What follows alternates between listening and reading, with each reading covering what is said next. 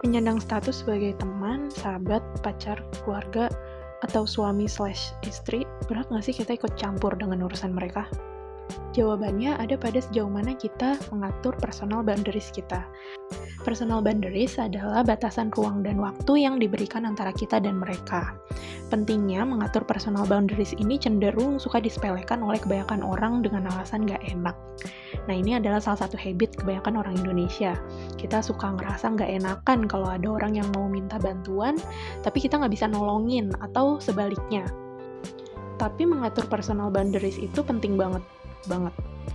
Ibaratnya kayak rumah nih ya kalau kita nggak ngatur personal boundaries kita, artinya kita nggak ngunci pintu dan kemungkinan orang masuk dan ganggu isi rumah kita tuh akan jauh lebih besar daripada rumah yang kita kunci. Kalau bisa kasih gembok sekalian. Sama dengan hal itu, kalau kita nggak ngatur personal boundaries kita, kita artinya membiarkan orang lain untuk ikut campur urusan kita dan bisa ngontrol hidup kita. Jadi segala pilihan di dalam hidup kita tuh mereka yang ngatur akibatnya tuh bisa nimbulin stres dan tertekan. Ya siapa yang nggak stres? Karena kan ini hidup-hidup kita ya. Tapi karena kita nggak ngatur personal boundaries kita, kita tuh membiarkan orang lain untuk menentukan pilihan hidup kita gitu. Jadi kita dikontrol sama orang lain. Nah, untuk mengatur personal boundaries ini, tentu akan nimbulin konflik batin biasanya karena kita akan ngerasa jadi pribadi yang egois dan maunya menang sendiri. Padahal nggak seperti itu kenyataannya. Dan lagi, kalau ada orang yang sudah mengatur personal boundaries, dan kita misalkan belum nih ya, kita nggak berhak untuk mendobrak masuk atau memaksa mereka untuk membiarkan kita masuk. Contoh sederhananya tuh kayak misalkan ada orang kelihatan lagi down atau lagi sedih ya, lagi galau. Terus kita tanya, terus kita maksa mereka untuk cerita. Nah, garis di antara niat baik dan kepo itu blur ya. Jadi wajar aja kalau misalkan ada orang ditanya, kamu kenapa? Jawabannya nggak apa-apa. Nah, itu artinya mereka udah ngeset uh, personal boundaries mereka biar oh orang cukup tahu kalau gue lagi sedih jadi artinya gue nggak mau diganggu gitu dan gue belum siap cerita ke siapa-siapa ya gue nggak akan cerita.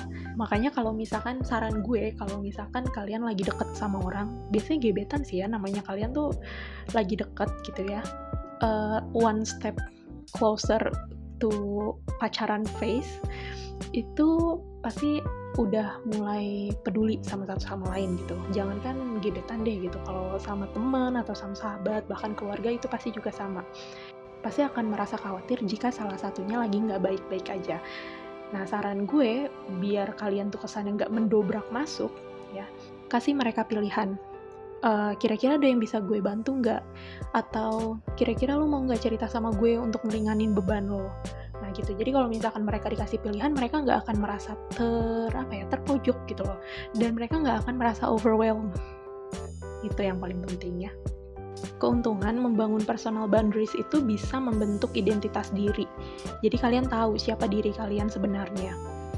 Belajar jadi orang yang tegas juga dan bisa membangun kepercayaan diri sendiri dan di lingkungan sekitar. Jadi orang-orang pada percaya sama kalian dan yang paling terpenting kalian bisa percaya sama diri kalian sendiri tips untuk membangun personal boundaries itu kita harus tahu batasan diri.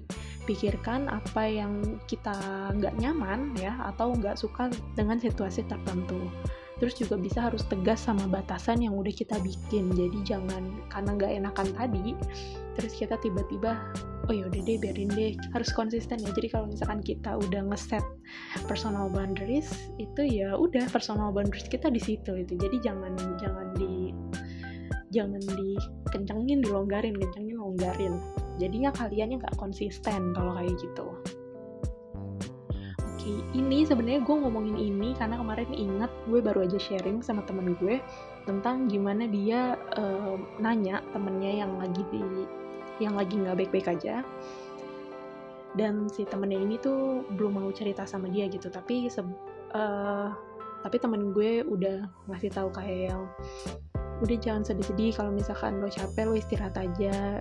Something like that. Ya maksud gue sebenarnya bagus kayak gitu bagus. Uh, lo ngasih semangat lo ngasih encouragement ke orang itu bagus.